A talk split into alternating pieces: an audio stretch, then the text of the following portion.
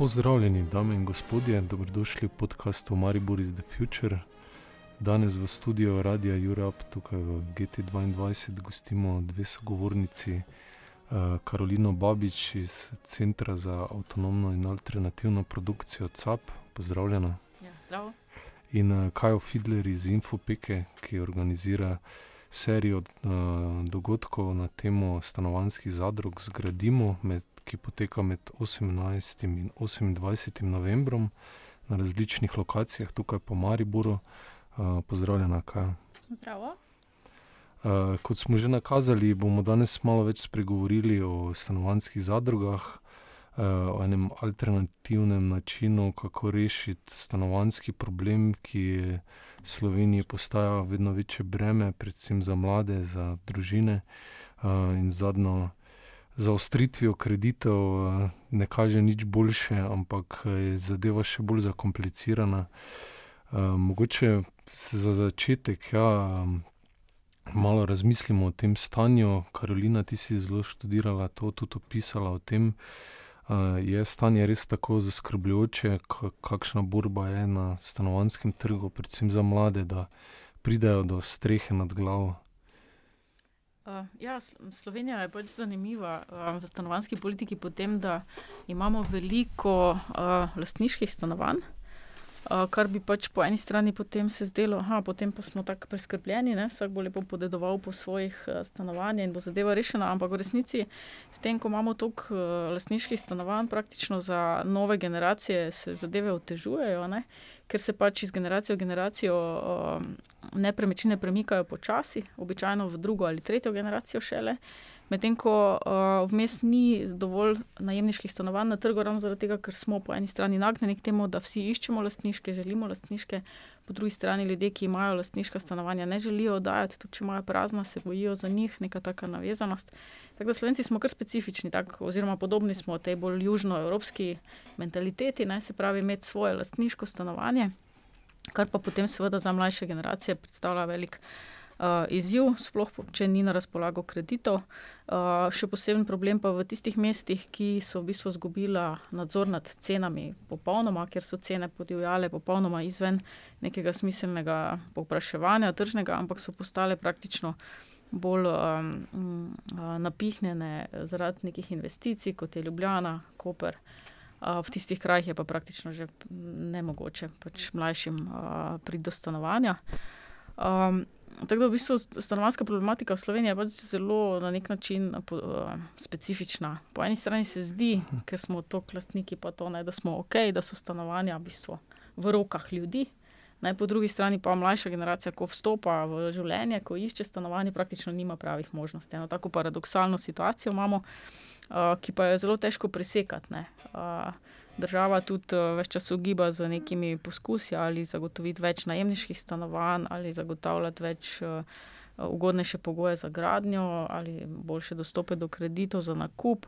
Jaz mislim, da pač različne stvari je treba razvijati. Ne. Treba je nepremičnine, ki so prazne, sprostiti. V Sloveniji imamo okrog 170 tisoč praznih stanovanj iz različnih razlogov, praznih.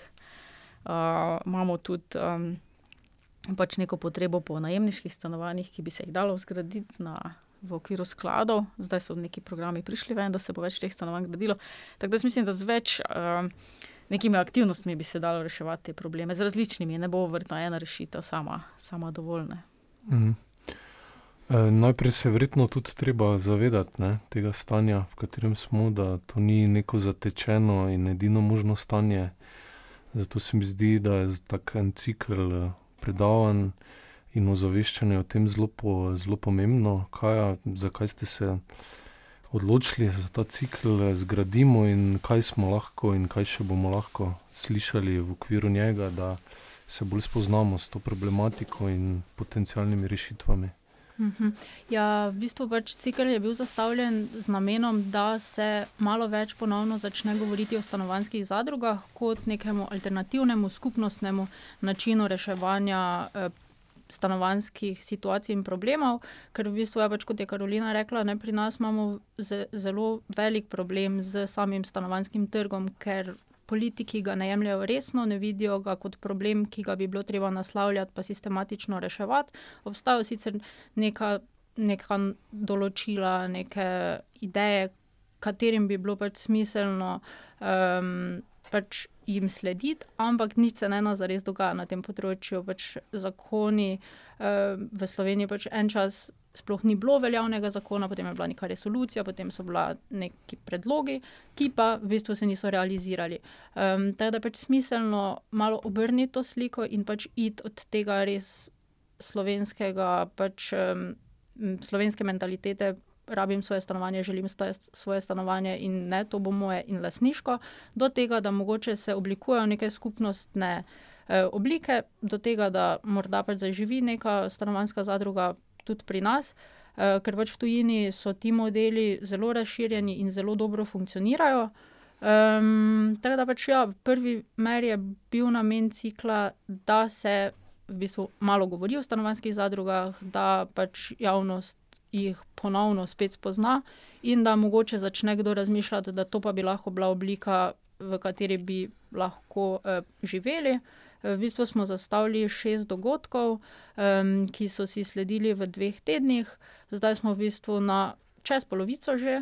Uh, bilo pa je pač res zelo tako informativno zastavljeno. Uh, ni šlo v to, da bi se že nabirala neka skupina, da bi se aktivno delalo na vzpostavitvi zadruge, ampak pač nasplošno, da ljudje čim več zvejo o njih.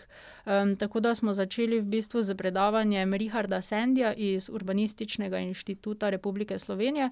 On je v bistvu podal uvid v samo stanovansko situacijo pri nas, torej šel je preko nekih politik, preko nekih uredb. Uh, in mislim, da smo kar ugotovili, da je stanje na tem področju precej alarmantno, in tudi on je svoje predavanje zaključil tako, v smislu, da ja, upanje pa umre zadnje. Um, tako da pač bomo videli, ne, če bo dejansko ta novi zakon karkoli spremenil, uh, pa stvari obrnil mogoče v drugo smer. Uh, skratka, pač on je ja govoril na splošno o politikah in stanovanskem trgu.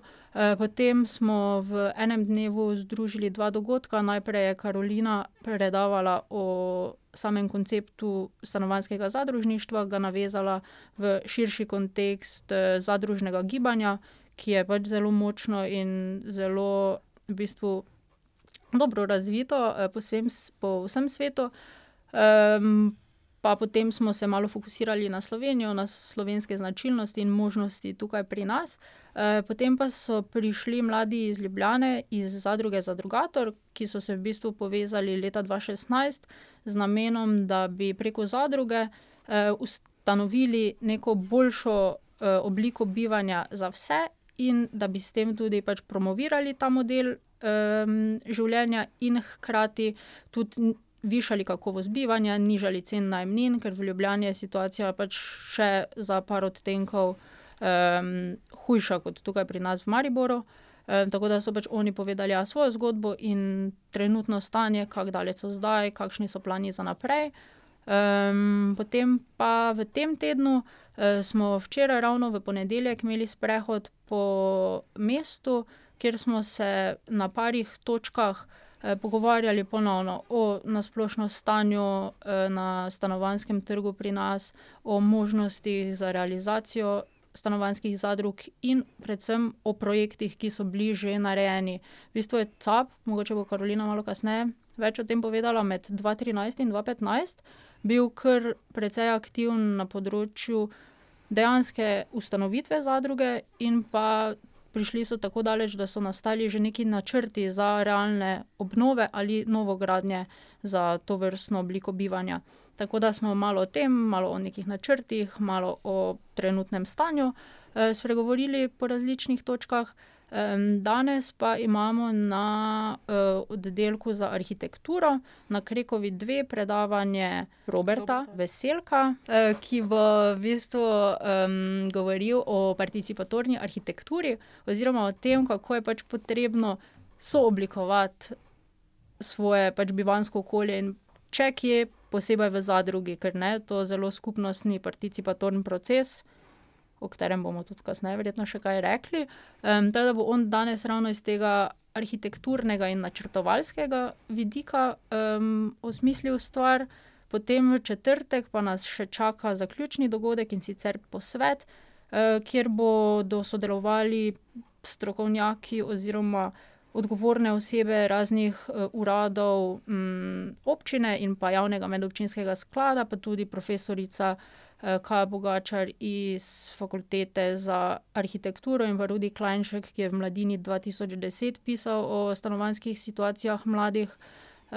tako da bomo v bistvu na nekem skupnem dogodku združili nekaj ljudi in ponovno pač malo pretresli in prevetrili, to temo. Potem v bistvu čisto na koncu pa bo še izšel zbornik, ki bo pokrival v bistvu vse teme, ki jih je naslavljal, cikel, in pa tudi eno anketo smo izvajali, ki je še vedno dostopna na spletni strani. Tako da vabimo vse, da še podajo svoje odgovore.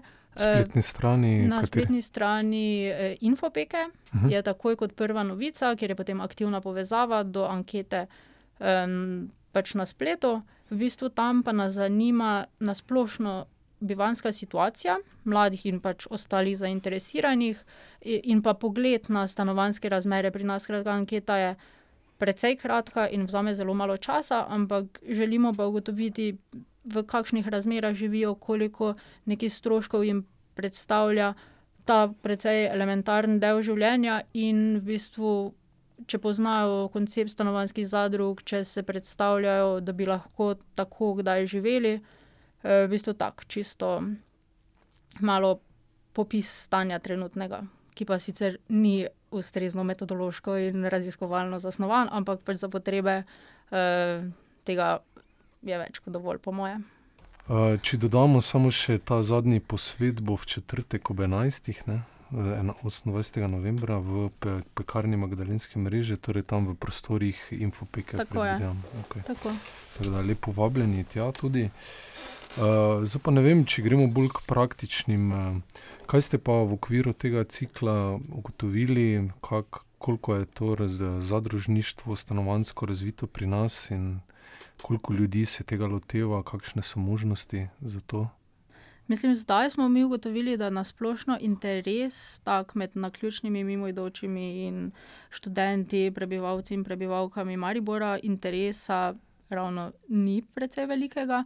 pač vzroki za to so najbrž, ker informacij je veliko, veliko je nekih dogodkov, veliko je vsebin in spet pač to ne gre za neko lahkotno, zabavno stvar, na katero greš za dve uri, se imaš fajn in je to to. ampak pač zahteva več nekega angažmaja, več neke prisotnosti in premisleka, zato najbrž pač, ja, ni tolikšnega bilo ne obiska ne izkazanega interesa. Ampak drugače pa skozi anketo recimo pa smo ugotovili, da si tri četrt teh, ki so odgovarjali, predstavlja svoje življenje v nekem, pač takem zadružnem, skupnostnem načinu, kjer je v bistvu vprašanje bilo naslovljeno, če si zamislijo, da lahko pač živijo v stanovanjski zadrugi, kjer recimo si lahko delijo določene stvari, in določene stvari so recimo lahko, neki dražji stroji, pralni stroj, avto, recimo neke take stvari, ki je, je njihova souporaba smiselna. In v bistvu, ja, gre za neko bolj skupnostno, bolj varno in nekako tudi bolj trajnostno, obliko bivanja. Tako da na ta način se mi zdi, da bi ljudi lahko zainteresiralo, s tem da pač treba pa jih je še nekako malo bolj angažirati, ali kaj bi rekli. Kako pa izgleda mogoče, Karolina, sploh stanovanjska zadruga, da si malo lažje predstavljamo, zdaj malo je Kaja že omenila, ampak... Mogoče, mogoče če najprej malo umestim stanovanjske zadruge nasploh v, Lahko. v zadružništvo. stanovanjske zadruge v bistvu spadajo v tisto polje, kjer lahko človek neke, potrebe v svojem življenju zagotavlja skozi soupravljanje in solastnino z drugimi. Se pravi, gre za odločitev, da sprejmeš možnost, da boš, vem, skupaj z drugimi ljudmi oblikoval neko podjetje, v katerem si boš ustvaril delovno mesto, ali da boš skupaj z drugimi ljudmi, ne vem, nakupoval neke produkte skozi, zadrugo, potrošniško, in na enak način se lahko odločiš, da boš z drugimi ljudmi skupaj našel način, da boš, ne vem, ali zgradil neki objekt, večstanovanjski ali najel uh, in pač sko, skupaj kot skupnost reševal, reševal svoj stanovanski problem. Se pravi, stanovanske zadruge so pač najprej zadruge, ne, se pravi, so to skupine oseb, ki imajo nek skupni interes. In ko skupina oseb ima skupni interes, si sama sebi napiše pravila, kako bo uresničevala ta interes, kdo so lahko člani, kaj želijo narediti, in skozi uh, nekaj čim bolj po možnosti s konsenzom išče način, kako bo to svojo potrebo zadovoljevala. Tako da zadruge so lahko delovske, lahko so umetniške, producentske, produkcijske, kmetijske, poznamo industrijske in na ta način so lahko tudi stanovanske. Uh, pač ključno je to, da ko neka skupina treh ljudi, petih, petdesetih ugotovi, da imajo to skupno potrebo, recimo stanovanski problem, se lahko odloči, ali da bo naredila skupno lastniško stanovansko zadrugo ali pa najemniško. Za Slovenijo so pač mogoče bolj zanimive najemniške, ker to manjka, najemniških stanovanj manjka. Lastniške zadruge bi bile zanimive, recimo, če bi se neke skupine oseb povezale z namenom, da skupaj gradijo, recimo, da skupaj gradijo ulico vrstnih hiš, ker bo pač ceneje, na koncu bi vsak imel svojo hišo, lastniško, ampak bi zaradi skupne gradnje, neke realizacije, mogoče nekih skupnih storitev, jim bilo ceneje skupaj graditi. Take zadruge so v zgodovini Slovenije obstajale, so neka naselja, tudi v Mariboru, mislim, da Ribniško selo in taki so grajene -huh. na ta način. In to je neke vrste taki skupni ekonomski projekt ljudi in je smiseln. Ampak ne odgovarja toliko na tisti problem, o katerem govorimo, da je primankljaj nekih dolgoročnih, kvalitetnih, varnih najemniških stanovanj. Ne, predvsem to je poudarek. Zakaj iskati um, neko novo obliko najemništva v Sloveniji? Ker si pač, uh, jaz mislim, da ljudje bi bili bolj naklonjeni najemanju dolgoročnemu, če bi to bila kvalitetna in varna najemniška stanovanja.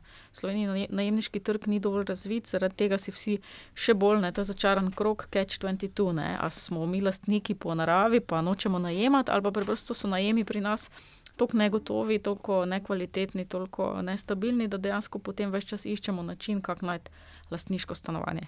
Se pravi, za Slovenijo.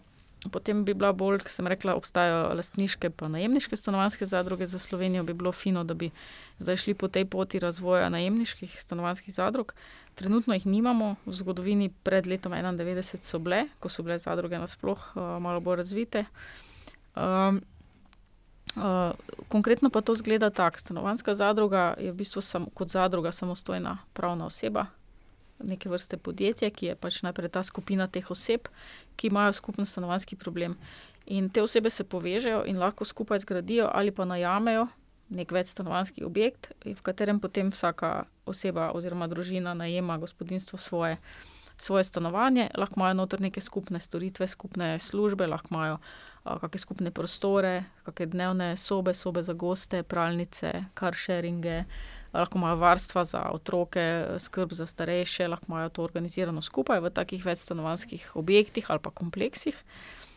Pomembno je, da več čas skrbijo, da oni, ko so upravljali to svojo zadrugo, več čas vzdržujejo cene na nivoju stroškovne najmnine, se pravi, da z z, z višino najemnine pokrivajo stroške, če je bila recimo objekt zgrajen s kreditom, uh, ima neke investicije, vzdrževanja, neke dolgoročne načrte, da, pač stroško, da je stroškovna najemnina tista, ki se pač obračunava najemnikom. Se pravi, da se.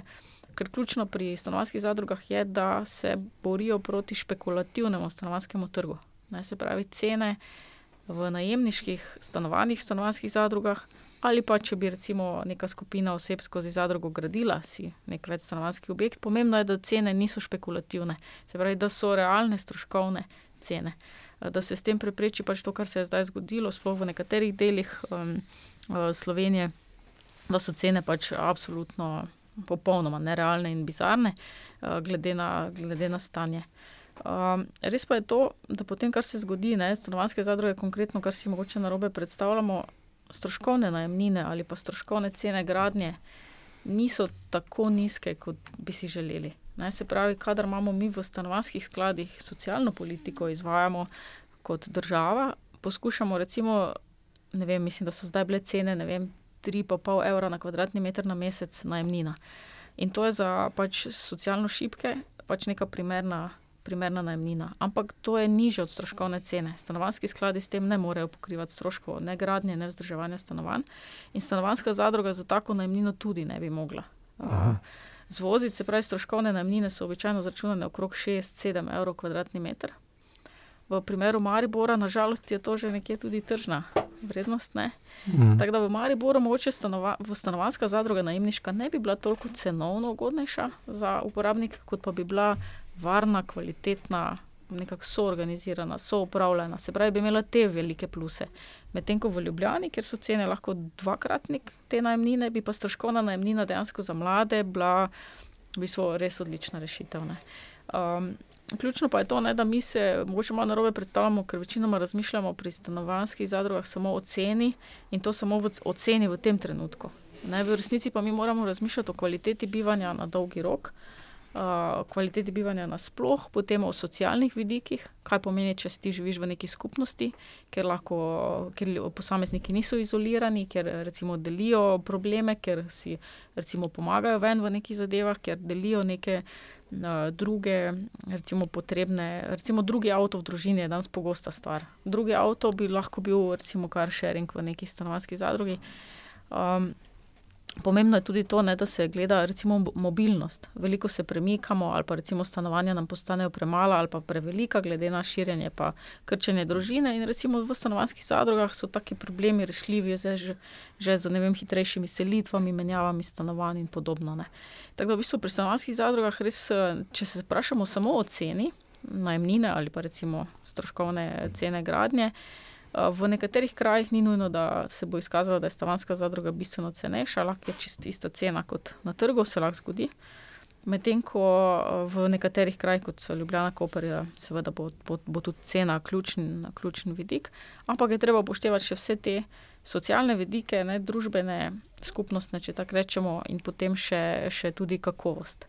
Ne, ker to, kar je Kaja prej omenjala, zadruge, stanovanjske zadruge gradijo z, skozi neke elemente, eh, principe participatorne arhitekture, kar pomeni, da če neka skupina oseb, 20 oseb gradi skupaj blok za teh 20 gospodinstev, oni od trenutka izbira zemljišča, če le lahko izbirajo zemljišče, če ni to že preveč določeno, in potem do vseh um, teh delavnic z arhitektom, kjer se delajo razni nabori potreb, ugotavljanja, usklajevanja želja, usklajevanja um, teh situacij.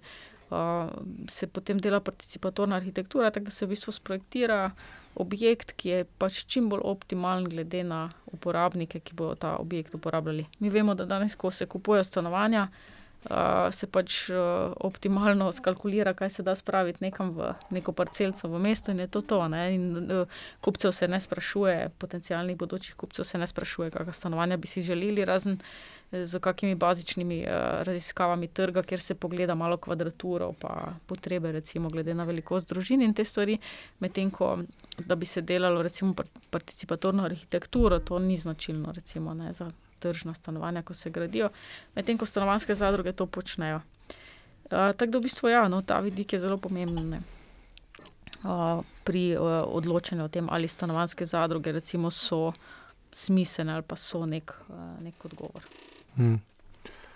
Uh, Zakaj pa je, mislim, pravni okvir tega, pa recimo verjetno ljudi zanima, če gre v en tak rešitev življenjske nuje, ne, življenjske situacije, bivanske. Um, kako so lahko zaščiteni tudi v eni taki Mhm. skupnosti, če grejo v skupen, skupno gradnjo ali skupen najem, da mogoče, verjetno se ljudje ravno tega bojijo, ne, Mhm. preden grejo v eno tako skupnostno rešitev. Ja, mislim, da um, pri vstopu v stanovanjsko zadrugo in tako skupinsko gradnjo, recimo, ne, mislim, da uporabnik ne tvega nič bolj kot, ali pa uporabnik tvega manj, manj kot pa da danes plačaš, uh, predplačaš neko stanovanje, ki je šele v gradni. In vemo, da lahko gre firma, ki gradi v stečaj, vemo, kaj se lahko zgodi. Tako da jaz mislim, da to ekonomsko tveganje samo po sebi ni tako velik problem. Uh, ključno je tudi to, da se vsak um, član zadruge, ki gre v stanovanjsko zadrugo, zaveda, da lahko kadarkoli izstopi, da lahko dobi svoj tisti vpisni osnovni delež vrnjen, če je to najemniška zadruga, in preprosto prepusti novemu najemniku, ki mogoče tam nekje v čakalni vrsti čaka to stanovanje. Um, tako da v bistvu tudi ne tvega. Um, um, tisto, kar je pa treba zgraditi med ljudmi, je neko uh, zaupanje. In pa nek proces, uh, stalni proces tega demokratičnega soupravljanja. Če greš v zadrugo, se odločiš, da boš v bistvu skupnost celo življenje in da boš podobno kot. Uh, So te um, skupnosti stanovalcev v večstanovanskih objektih, ampak na precej višjem nivoju, precej bolj resnem nivoju, ne, uh, v bistvu so odločali o tem, na kak način bo objekt uh, zgrajen, uh, upravljan in vse, kar se z njim dogaja. Zdaj, pravno, formalno je tako, da um, zadruga je pravna oseba in vsi člani, ki se včlanijo, so en član, en glas, enakopravni v zadrugi. Um, in ko vstopijo v zadrugo, plačajo nek vpisni delež in potem imajo pravico do stanovanja. Uh, pri najemniških uh, zadrugah, stanovanjskih je to tako, da pač potem najemajo neko stanovanje, običajno pravilniki določajo, da lahko, recimo, vem, družina s toliko člani najema tako sobno stanovanje, z več večje, z manj manjše, in se potem tudi selijo, ko se, ko se družine večajo, manjšajo. Uh, Medtem ko, med ko vsak se lahko odloči v nekem trenutku, da izstopi, da dobi tisti vpisni delež, ki ga je vplačal na začetku, kot neke vrste vstopno, vstopni kapital, da dobi to vrnjeno in pač lahko zapusti zadrugo. Ne. Se pravi, tveganje je, je majhno.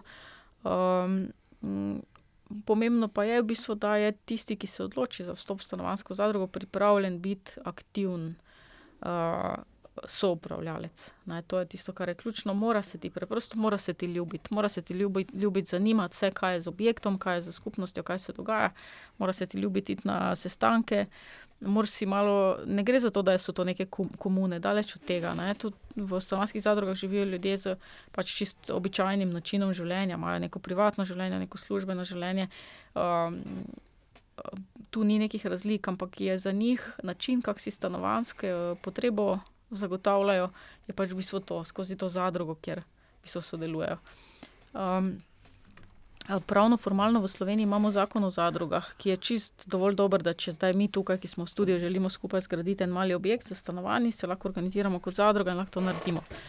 Ampak pač to, kar manjka, je ustrezna stanovanska zakonodaja, ki bi nam, zato ker se odločimo za tako aktivnost, dala tudi neko mogoče subvencijo, pomoč, uh, mogoče kakšne olajšave ali kaj podobnega. Zato pa je zdaj pravna situacija v Sloveniji taka, da trenutno stanovansko zadrugo neka skupina oseb lahko ustanovi in če imajo denar za gradnjo, lahko zgradijo objekt, si ga razdelijo in potem plačujejo najemnine in skozi najemnine, če bi dobili kredit, plačujejo kredit in tako naprej. Uh, žal pa tisto, kar zdaj v zakonodaji nimamo, je recimo, da bi država ali neka javna inštitucija dala recimo garancijo za kredit za take vrste gradnje in take stvari. E, in to pa zdaj si obetamo od novega stanovanskega zakona, ki ga je Kaja omenjala. V tem novem zakonu so pa zadruge omenjene, da bi lahko pridobivali garancije za kredite, da bi lahko dobivali neka zemljišča javna preko sklada, recimo v stavbne pravice. Ne. Se pravi, nov zakon stanovanski, če bo sprejet na ta način, kot je zdaj v javni razpravi, ravno do jutri je javna razprava z nekaj pomankljivostmi, ki so pač eni dali noter zdaj pripombe. Tudi, um, je nekje, ajde v tej smeri, ja, da bi stanovanske zadruge v Sloveniji imele tudi državno podporo za pridobivanje garancij, za pridobivanje zemljišč.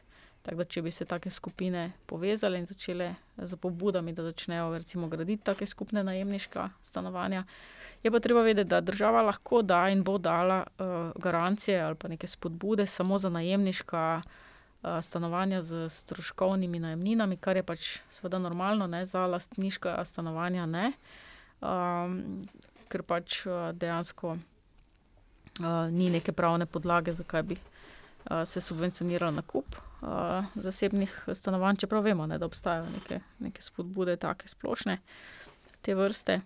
Uh, tako da v bistvu ja, zakonodaja je tako, obstoječa zakonodaja že omogoča zadruge, nova zakonodaja, ki si jo obetamo, pa bi lahko bila tudi spodbudna v finančnem, ekonomskem smislu, uh -huh. uh, če bo šlo po tej poti. Ne. Ja, kako pa recimo banke bolj to sprejemajo, če gre za namesto, da mi štirje, ki smo tukaj, vsak kupuje svoje stanovanje, pa damo skupaj, mm. pa skušamo skupni kredit vzeti, um, se to podpira, je to izvedljivo. Ja. Banke zdaj ne razumejo razlike med zadrugo ali pa neko kapitalsko družbo. Tako, če bi mi štirje prišli na banko, pa bi rekli, mi bomo naredili najemniški objekt, kar pomeni, da bomo mi vsi skupaj kot člani zadruge, sicer so lastniki tega objekta, ampak nišče ne bo lastnik svojega stanovanja in bomo potem vstopali, izstopali, bo prišel nek drug najemnik in tako naprej. Se pravi, to bo več čas neka skupnostna lastnina in zato jaz, ko pridobivam kredit, ne morem dati svojega lastnega osebnega jamstva, ampak bo jamstvo za kredit dala zadruga, ki je nosilka tega skupnost, te skupnostne lastnine.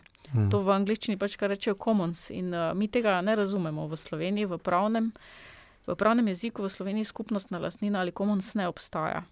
Ko je bilo, recimo, dve leti nazaj, tista um, zahteva, da se dejanski lastniki vpišajo v tisti registr dejanskih lastnikov, ker se je pač začelo iskati načine, kako preprečevati neko pač prikrivanje lastnine. In potem so društva in zadruge, ki so članske organizacije, bile pozvane, seveda, da vpišajo dejanske lastnike. In kaj je država naredila? Vpisala je predsednike društva in predsednike zadrug. Kar je absurdno. Kako je lahko mhm. predsednik društva edini lastnik, dejanski lastnik društva, kako je lahko predsednik zadruge dejanski lastnik zadruge. To je absurdno. Ampak tu se mhm. vidi, da pač Sloven, Slovenija kot pravna struktura ne razume koncepta commons ali skupnostne lastnine. In na enak način na banki, ko pridemo, če pridemo mi štiri za tja, bo rekla banka: Ja, ok, vi boste zgradili objekt. Z najemninami boste izplačevali obroke kredita in obresti, ampak zdaj pa mi rabimo garancijo za kredit. Torej, za vi vsi štiri dajte za 25% vrednosti vsak svoje neko osebno premoženje za garancijo.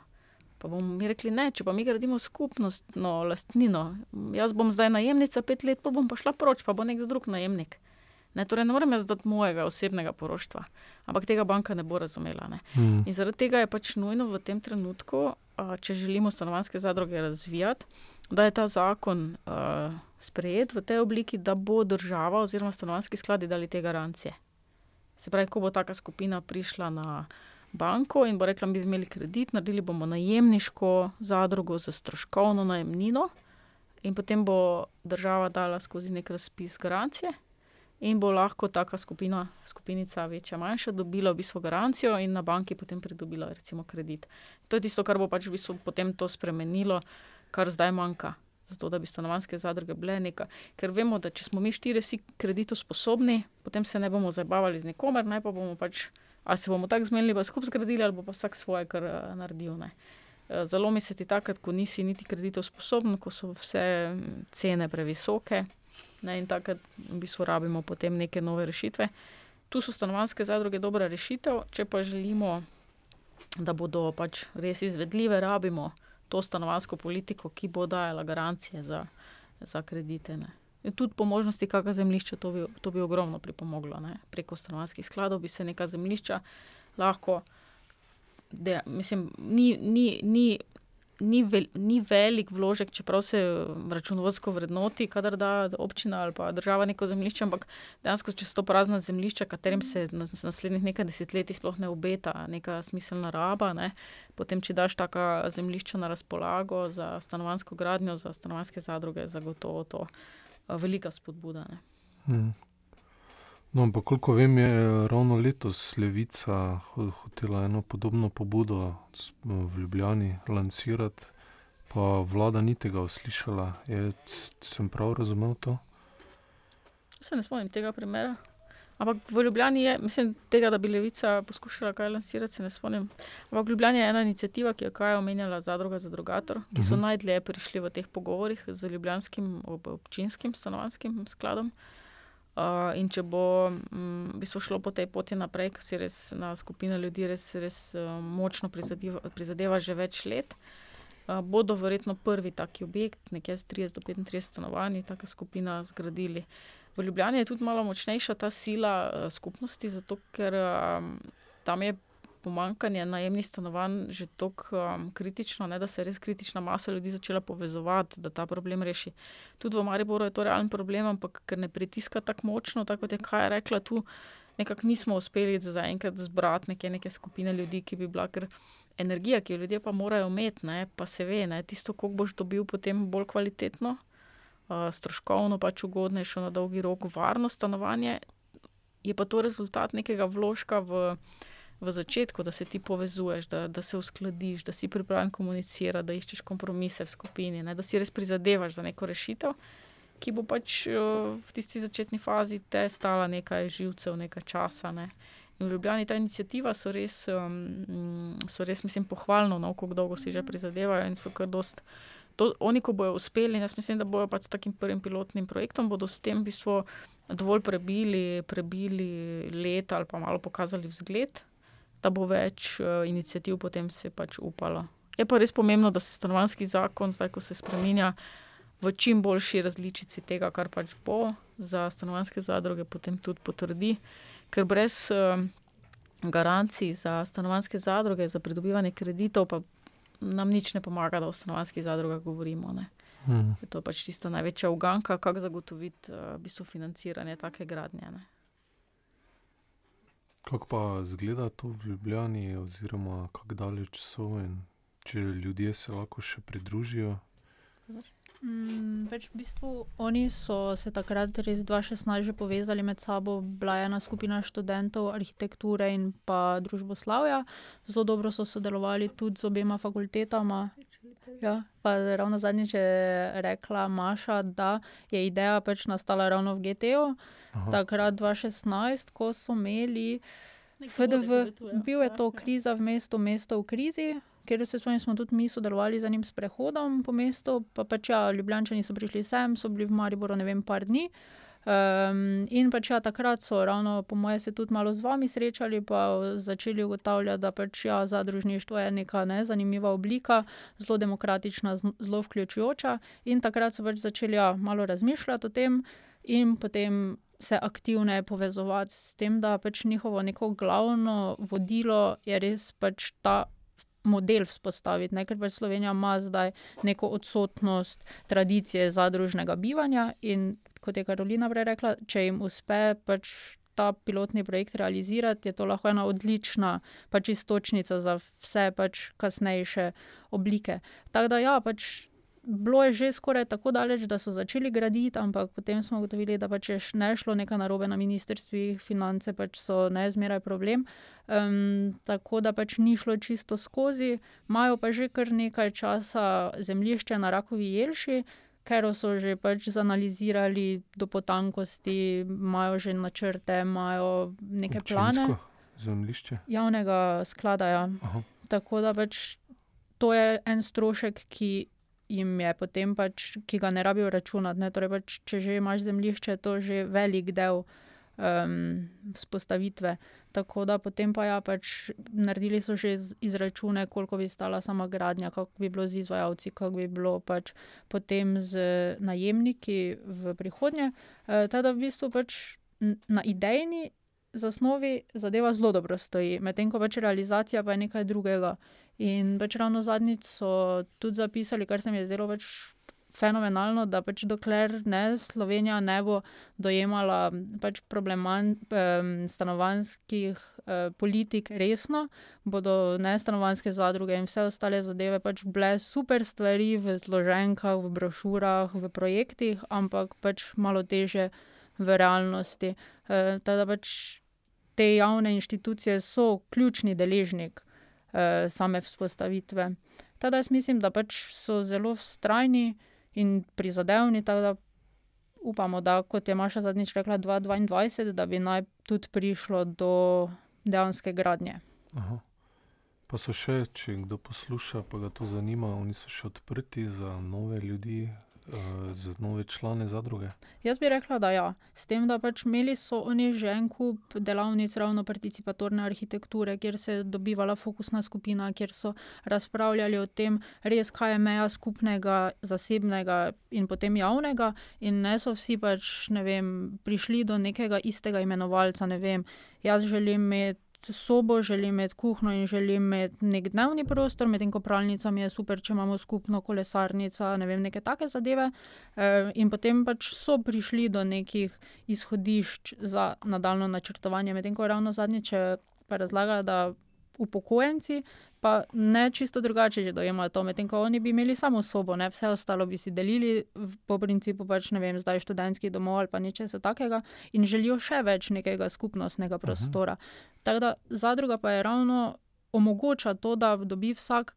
Kar želi, kar potrebuje, ker se moramo s tem strinjati. Ne? Karolina je rekla, pišemo si sami svoje pravila, torej pač nihče ni neupoštevan, ker pač neke zadeve ne grejo skozi, ker se o tem pogovarjamo, razpravljamo in se dogovorimo tako, da je vsem ok. Um, teda to, s tem, da sami najemniki, pa nisem čisto prepričana, pa tudi na zadnje nismo govorili, če je zadeva že zaključena, če že se ve vsak, ki bi pač tam bival oziroma bivala. Teda to pa se je potrebno bolj na njih obrniti. Ja, jaz mislim, da, da njihova inicijativa je bila kar daleč. Ne? Težave v realizaciji so pač vezane tudi na to, recimo, da če občina preko sklada zagotovi zemljišče, imamo pa zelo močno v Sloveniji zakonodajo, kar se tiče zakon o stvarnem premoženju države in občin prepoveduje karkoli komu dati za ston. Ne? Se pravi, je treba najti zakonsko podlago, zakaj se neko zemljišče da, recimo stavbna pravica, neodplačna. Zelo težko je najti, treba je najti obliko javno-zasebnega partnerstva, pravne podlage. Oni tudi, recimo, imajo kar potrebo potem, da bi našli kakega pravnika, ki bi jim pomagal na področju javno-zasebnega partnerstva speljati, recimo, vse, vse zadeve. Ne? Ker tudi, če je dobra volja zakonodaja na področju karkoli iz javnega dajati, v, ker vemo, zadruga stanovanska je zasebna inicijativa, ni javna, zasebna je. In je treba najti pravne podlage, kako se lahko, zakaj se pokaže javni interes, da se lahko da nekaj neodplačno v, v uporabo, kot je recimo zemljišče. To so čisto formalne stvari, ki so mhm. težke. Potem imajo tam tudi težave, so rekli, z zemljiščem, ker je pač ni najbolj kvalitetno zemljišče ne? in uh, so pač neke posebnosti. Um, Pa tudi to, recimo, da zdaj je veliko interesa. Spomnim se, ko so imeli tiste delavnice, da je prihajalo, mislim, več deset ljudi, ne? se pravi, bi že zdavne po, po, dosegli tisto kvoto 30-35, kar za, prvo, za prvi objekt sploh imajo na razpolago. Ampak, ko bo treba začeti graditi, tisti, ki se bojo prvič članili, bojo morali dati tudi obvezni vpisni delež. Obvezni vpisni delež pri stanovanski zadrugi, če bo želela dobiti tudi podporo države, polna garancija, pa to bo verjetno okrog 15 tisoč evrov. 20 tisoč, se pravi, neki vložek bo moral biti. Ne? In to bo spet naredilo neko selekcijo med ljudmi, kateri bodo to pripravljeni dati, kateri bodo zmožni to dati. Ogromno je teh vprašanj. Um, to je sicer treba vedeti, obvezni vpisni delež pri najemniških stanovanjskih zadrugah je neke vrste. Uh, neke vrste m, posojilo v zadrugi, ne? ker če ti mhm. greš ven in nehaš najemati stanovanje, dobiš to vrnjeno. Ne, se pravi, to je denar, ki je, ki je tam in je neko tvoje vrčevanje. Lahko rečeš, ne greš ven, odneseš ta denar zraven, tako da bi se tega ne zgubiš, ti si najemnik v tem stanovanju. To je samo noter kot, kot neko likvidnostno ozadje v zadrugi, ta finančni vložek. Uh, in se pač uh, za drugator je do zdaleč pripeljal projekt. Imajo tudi neke idejne zasnove, dobro sodelujejo s fakulteto ne, za arhitekturo. Um, tako da so že kar daleč razvili. Je pa res, da bodo prvi, ki bodo testirali vse te modele javno-zasebnega partnerstva, na kak način sploh dobiti vem, stoletno stavbno pravico, uh, kako dobiti garancije od, od uh, države, recimo za kredit. Uh, bodo prvi testirali neki, neki model ne? in to bo, to bo veliko še, še zaradi tega pač teh težav. Ne? Uh, brez um, tega vprašanja, kaj um, recimo neka stanovanska zadruga, ki ne bi želela nič iz javnih virov, se pravi, nobenega zemljišča, nobene garancije, pa se lahko jutri vzpostavi in realizira skozi neke obstoječe. To je pa praktično civilna pogodba med ljudmi, ki se zmenijo, da bodo skupaj gradili. Recimo, mm. uh, to je pa izvedljivo vedno. Ne? Ampak za drugatorje je res uh, pohvalna inicijativa, no, so kar daleč. Uh, ja, kaj pa v, tukaj v Mariboru, kaj se kaj obeta, kakšna delovna skupina se kdo povezuje, se lahko ljudje, ki včlanijo, uh, združujejo. Ja, zdaj, trenutno neka taka aktivna skupina ne obstaja, vse ni nam znano. Mi smo to, kar je kaj omenjala v CAP-u leta 2013-2015, redno poskušali povezovati, smo imeli redna srečanja. In se nam je zgodila ena zanimiva stvar, ne, da na ta srečanja so redno prihajali dva dve skupini ljudi. Eno so bili v bistvu um, ljudje, ki se teoretsko, družbeno, družboslovno zanimajo za stanovanske zadruge, arhitekti, sociologi, ustvarjalci, umetniki, tako kot en taki osebni res interes, iskren, kaj to je, na kak način bi se lahko razvijalo. Na drugi strani so prišli ljudje, ki so bili iz socialno tako šibkega okolja, ekonomsko socialno tako šibkega, da so dejansko iskali socialna stanovanja. Rekli smo prej, 3-3,5 evra kvadratni meter so cene najemnine na mesec za socialna stanovanja.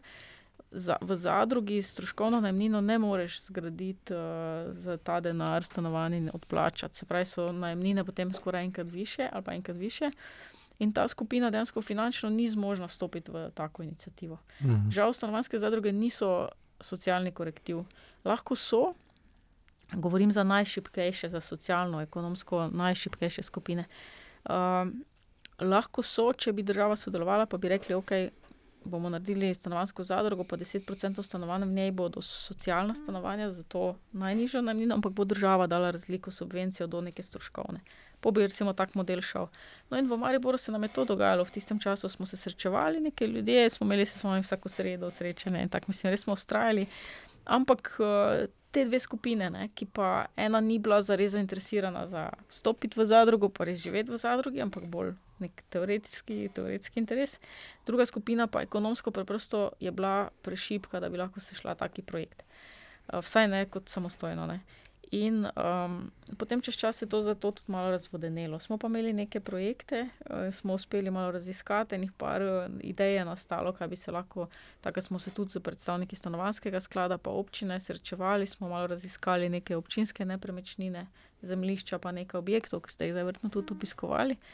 Uh, tako da bi svoje nekaj idej, recimo, ampak mogoče to, da najdeš zemljišče, pa neko stavbo, pa dobro idejno zasnovo je pravzaprav to so že tiste slad, sladki problemi. Potem, mm. Najtežja dva problema sta. Eno je skupnost, ki bo res skupnost, se pravi skupina oseb, ki bo res živa, povezana, ki bo želela pač najti to skupno rešitev. To nekako povezati na ta način ljudi, to je trd oreh, in potem drugi, tako je zraven, paralelni, dobiti uh, primerno finančno strukturo in pač vse garancije in te stvari, ki jih rabiš, da lahko financiraš taki projekt. Uh, Um, izven tega mislim, da ostalo so res sladke, sladke skrbine. Tako da v Mariboru žal trenutno ni neke take inicijative, ampak mislim, da mislim, mogoče moramo gledati uh, male ideje, mogoče bo treba res. Uh, Uh, malo zdaj od zadrugatorja se lahko veliko učimo, pa iz teh izkušenj, če bi se našla kakšna zelo mala skupinica, tri, pet članov, zakaj pa ne, za neki prvi model, da se testira, da se sproba. Um, Čeprav mislim, da stanovanski zakon predvideva, da ne pod pet, ne, na najmanj pet uh, članov, pet enot, uh, da bi potem bile stanovanske zadruge najemniške. Um, tako da, ja, toliko v Mariboru. No, ampak kot sem prej povedala, v Mariboru manj pritiska. Uh, Manj pritiska, manj pritiska na najemninah, oziroma ne moremo jamčiti. Mi smo takrat res izračunavali in Jaz si nikoli ne bi upala jamčiti neki skupini, da bodo skozi stanovansko zadrugo prišli do cenejših najemnin. Ampak zagotovo pa bi v Mariboru, ampak zagotovo bi pa prišli do bolj kvalitetnih stanovanj, bolj varnih, soupravljanih, dolgoročno stabilnih in tako naprej. Mhm. Um, Mogoče se za konec, omenili uh, smo parkrat, da je to v tujini bolj razvito, um, po kom se lahko zgledujemo. Uh, ki se lahko pogledajo, te že v praksi izvedene zadruge, kdo je najbolj razvit v tem? Um, ja, stanovanske zadruge po svetu so kar razvite, se pravi, tudi v Sloveniji so, so bile v nekih zgodovinskih obdobjih. Uh, tak, uh, Ta zgodovinski model je tudi še relevanten danes. Niti ne več toliko, recimo, stanovanske zadruge, ki so bile v 70-ih, 80-ih, so ljudje, recimo, ker so kot zadruge lahko kupovali brez davka material, pa so se povezali, pa so zato skupaj gradili in take stvari. Ja. Ugodne še tako, da so recimo zanimive prakse, ekonomske, zakaj pa ne, bi se še zmeraj lahko njih gledovali, ampak uh, potem so bile, seveda, vemo, v, v, v, v, v Sloveniji oziroma v Jugoslaviji pač na podjetja vezani veliki sistemi najemniških stanovanj ne, in to. Eh, ki so nekateri imeli pač tudi neke zadružne oblike, ampak um, um, čist kot neke zasebne pobude tega tipa, mi zdaj ne poznamo trenutno v Sloveniji, ampak recimo že v Avstriji, že če gremo v grad, so zelo lepi primeri in arhitekturno lepi in skupnostno ne, zanimivi. Aha. Švica je zelo močna na tudi stanovanjskih zadrugah, tam ve, veliko stotek ljudi živi v najemniških stanovanjih. Varno, dolgoročno, celo življenje. Selijo se, ko dobijo otroke, se selijo večje, ko se otroci odselijo, se preselijo v manjše, ampak so recimo v teh najemniških, tudi Nemčija, močno.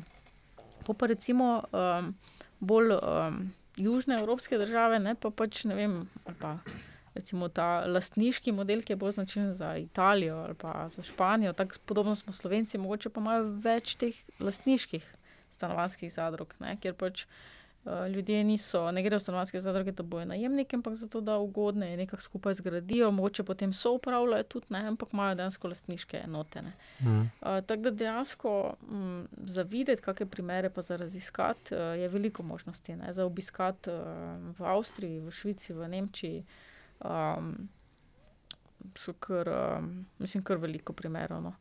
Um, tudi v ZDA, konec koncev Kanada, vsi imajo razvite stanovanske zadruge v nekih oblikah. Ne. Tako da bi šel določen odstotek fonda, se to je tako, ne, dejansko ne moramo pričakovati, da bo to ena rešitev, ki bo kar odgovorila na vse probleme in vse ljudi. Ne. Ampak zagotovo en uh, nek določen uh, del fonda stanovanskega in tudi uh, neke določene skupine ljudi je pa lahko to pač odlična, odlična rešitev. Mm. In tudi, verjetno, odločevalci bi morali malo v te države pogledati, verjetno je tam tudi zakonsko in birokratsko to urejeno, da se da vzpostaviti lažje kot pri nas. Ne? Ja, tam, kjer so dobro razvite, tam sta se dve zadevi sigurno razvili. Eno je to, da so na, ali na regijski ali na mestni ravni dajali zemljišča prav sistemsko. Avstriji, recimo, je to veliko podpore. In tudi to, da če so zadruge dobro razvite, recimo to je v Avstriji, potem imajo stanovanske zadruge svojo banko, ki financira gradnjo novih stanovanskih objektov v stanovanskih zadrugah. Ne, se pravi, ko pride, ko pride eh, nivo razvitosti nekega sektora tako daleč, da lahko sam sebe financira. Ampak to pa oni raji že potem, ne, to je že, mm. ko ne rabiš več države, da te suportira. Ne. Ampak vseeno, zagotovo pa stanovanske zadruge so del, to pri nas premalo razmišljamo v Sloveniji zadruge nasploh, zaradi tega, ravno, ker, so, ker niso zasebna lastnina, ampak so skupnostna lastnina, kot podjetja, govorim kot lastnina. Ne? In zaradi tega bi lahko bile partner države v marsikateri zadevi. Ne? Ker država, vemo, podpira zasebne inicijative, čist kapitalske, ne? pa je to sporno. Recimo, Zakaj ne bi potem podpiral bistvo skupnostnih projektov, ker lastnina nikoli ne prehaja v zasebno lastno, ampak vedno ostaja skupnostna. Ne? Um, ampak um, trenutno pač nimamo, no, se pravi, novi zakon obeta, stanovanski zakon. Ne. Je to nek del tudi neke ideologije, kaj, da se hočemo odcepiti od tega skupnostnega, socialističnega preteklosti, ali ne vem, da smo. Ja, nek, neki odpor odpor do besede zadruga obstaja ne, v Sloveniji, kooperativa, lahko rečemo, da nam je manj težko. Ne. Ampak hmm. mlajše generacije ne bodo imele tega odpora. Zdaj počasi pozabljamo, kaj je bilo pred letom 91. Eh, hkrati pa je nekaj res. Ne. Slovenija spada med tiste države, ki, ko je vstopila v kapitalizem leta 91, je postala bolj papeška od papeža ne, in zavrača mm. celo tisto, kar druge, kar kapitalistične države sprejemajo. In zadruge, pazi, zadruge so po celem svetu razvite noro. Ne? 10% ljudi zaposlenih v svetu je v zadrugah. To, je, mhm. to so velike banke, zavarovalnice, industrija so v obliki zadrug. Se pravi, te, tega tipa commons, zadružne lastnine. Uh, in, nič, in so to zelo kapitalistične države, ki to imajo, in se nič ne otepajo zadrug. Ne. Uh, Slovenija, žal, tako kot marsikerem drugem primeru, ker vemo, da tudi stanovanski fond se je raz, razprodal uh, takrat in tudi Eh, druga oblika privatizacije se je dogajala tako, da Bog ne daj, da bi zadružni model ohranili in obdržali. Um, tako se je tudi nek odpor do zadrug razvil. Ampak zdaj, zadnja leta, se to spremenja. Mlajša generacija več ne čuti tega pritiska neke, nekega uh, slabega pomena zadrug, recimo starega sistema. Uh, pa tudi take inicijative, kot mi dve skajo prihajamo iz njih, je kar nekaj jih po Sloveniji, nekaj ljudi, ki se zatrudi nekako spromovirati zadružne modele in stanovanski model, pač stanovansko področje je eno od teh področji, pač tudi na drugih uh, področjih. Ne. Hm. Je tudi podobna problem, jaz, kot smo pred kratkim brali s stanovanskimi krediti. Ne? Države, tudi kapitalistične države, dajo subvencije, garancije za, za ljudi, ki finančno niso zmožni si rešiti stanovanskega problema, ne? pri nas pa to še, še vedno ni na voljo, oziroma se celo omejuje. Ne? Ja, so, jaz mislim, ne vidim niti, da bi kredit lahko rešil zdaj probleme. Pač, ker pri nas smo že tako daleč, da je sam trg ne popolnoma neustrezno naravnan, kar se tiče stanovanj. Ne pač ja. res, ker najem, najemniškega trga praktično ni, mislim, ni reguliran, potem najemnine so nepopolnoma pač, eh, diskutabilne od kraja do kraja oziroma področja, potem eh, ni v bistvu nekega jasnega popisa. in ni nekega delovanja na terenu. Tako da v bistvu trg je povsem razpuščen, pač veliko je tudi najemanja na črno, in sam sistem je zelo pač slabo uh, nastavljen. In s tem, da zdaj pač vsak dobi kredit in si kupi stanovanje, se zadeva ne bo ravno spremenila, ampak pač bomo še samo pluli dalje na pač ne teh valovih. Medtem ko če bi se, ne vem, od 2000 do 2009 je bil en pač predlog stanovanske resolucije, ki je bil v bistvu zelo dober. Imel je zapisana taka načela, ki bi dejansko rešila eh, stanovansko situacijo pri nas. Ne vem, da bi se recimo stanovanja obnavljala, da bi se na leto gradilo do 10 tisoč novih stanovanskih enot, sicer postopoma, ampak ne da bi se fond torej večal, ker recimo pri nas imamo večino stanovanj zgrajenih tam v 70-ih oziroma ne pač krepko pred 91. Eh, in ja, pač ta stanovanja potem propadajo, oziroma pač postajajo v vse slabšem stanju. Um, in nihče pač se ni aktivno s tem ukvarjal, razporejal, planiral, pač karkoli resno delal na tem. Uh, in po mojem, smo tudi zato tukaj, ker smo, ker tudi ne vem, obstajajo neki pilotni projekti, ampak njihovi rezultati niso znani. Obstaja nek uh, neko priporočilo, ampak financiranje za njega ne vemo, kje ga dobimo. Skratka, več ne vse je mm. tako malo polovičarsko nastavljeno in pač zaradi tega verjetno je situacija, kakršna je. Mm. Je za mogoče za konec samo še kakšne druge rešitve, poleg stanovanjskih zadrug, ne vem, vemo na Dunaju, recimo je dosti teh subvencioniranih stanovanj, socialnih, skupnih v bistvu ne vem, pod Dunaja živi najemniško in v nekih oblikah javno-zasebnega partnerstva, se lahko potem zgledujemo, ali to ni relevanten primer za nas. Recimo. Um, ja, mislim, stanovanske zadruge v bistvu nagovarjajo eno določeno skupino ljudi in so rešitev za eno določeno skupino ljudi. Ne? Se pravi, za recimo skupino tistih, ki prvič so mislim, zmožni stopiti v take skupine, se res povezovati in imajo to željo in so pripravljeni, in hkrati lahko na, neki, na nekem nivoju, nekih stroškovnih cen, skrbijo zase, za svoj stanovanski problem. Prej sem rekla za tiste iz socialnega dna, ki če država ne vstopi zraven in naredi neko subvencionirano. Uh, socialno stanovanje, v bistvu stanovanska zadruga, žal, sama po sebi, kot civilna pobuda, ki mora zgraditi objekt, uh, plačevati Eh, stroškovno mm, ceno pač ne more. Recimo, ne. Tako da mislim, da je treba iskati različne modele, ki potem odgovarjajo na različne skupine um, oseb. Ne. Pa smiselne so recimo to, kar smo se doskrat pri stanovanjskih zadrugah, prišli do tega vprašanja, da veliko hiš je prevelikih, v njih je moče ena oseba, veliko objektov je uh, takih, da ljudje jih imajo vlasti, ne želijo jih prodati, vemo, navezanost na nepremičnine, dedni zakon, dedovanje in te stvari, ampak neke posredovalnice, ki bi bile lahko tudi zadruge ne, ali pa neke oblike zasebnih inicijativ, lahko bi bile tudi čist družbene, ki bi nekako izmenjevale, povezovale ljudi, da si zamenjajo, tako kot imamo zdaj to z teh nekih. Um, uh, couchsurfingov, surfingov, pa tega ne po svetu, da bi pač znotraj, uh, znotraj naše te mobilnosti, recimo nekih selitev ali pa nekih začasnih menjav stanovanj, hiš in tako naprej, se recimo lahko tudi veliko naredilo za reševanje stanovanjskih problemov. Je pa tu res, da pač to so praktično neke nove oblike povezovanja, ki so lahko čist civilne, lahko so v kombinaciji z državo ne, uh, in kakimi subvencijami, da se pač čim bolj optimalno uporabijo kapacitete, ki so na voljo, ne? ker veliko stanovanj dejansko je praznih, veli, praznih, veliko je prevelikih, veliko ljudi živi v stanovanjih, ki jih ne more financirati.